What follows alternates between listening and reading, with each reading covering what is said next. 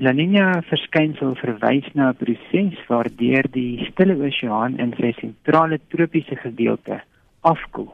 Dit wil sê temperature onder die normale temperatuur ontwikkel in hierdie gedeeltes van die Stille Oseaan. Die El Niño verskynsel is natuurlik die teenoorgestelde proses waar tydens die sentrale tropiese Stille Oseaan opwarm. Die belangrikheid van La Niña verskynsels is dat hulle heel dikwels vir ons hier in Suider-Afrika baie goeie en wyd verspreide somerreënval bring.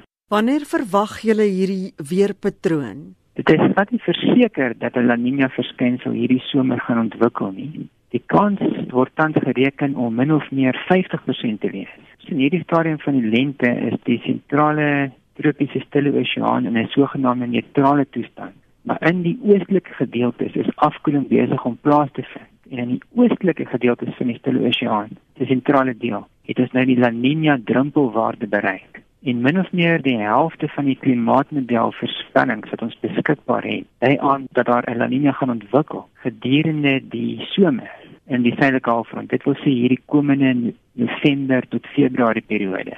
So as ek genoem het die kans daarvoor is min of meer 50% En as hierdie La Niña verskynsel gaan realiseer, dan het ons natuurlik 'n uh, billike kans op goeie somerreënval, net soos wat ons gesien het veral teen die einde van die vorige somer, die somer van die jaar 2016-17. Maar dit het nie gebeur nie, so ons kan nie mense nou onnodig opgewonde maak nie. Ja, dit het nog nie gebeur dat hierdie La Niña verskynsel ontwikkel het nie.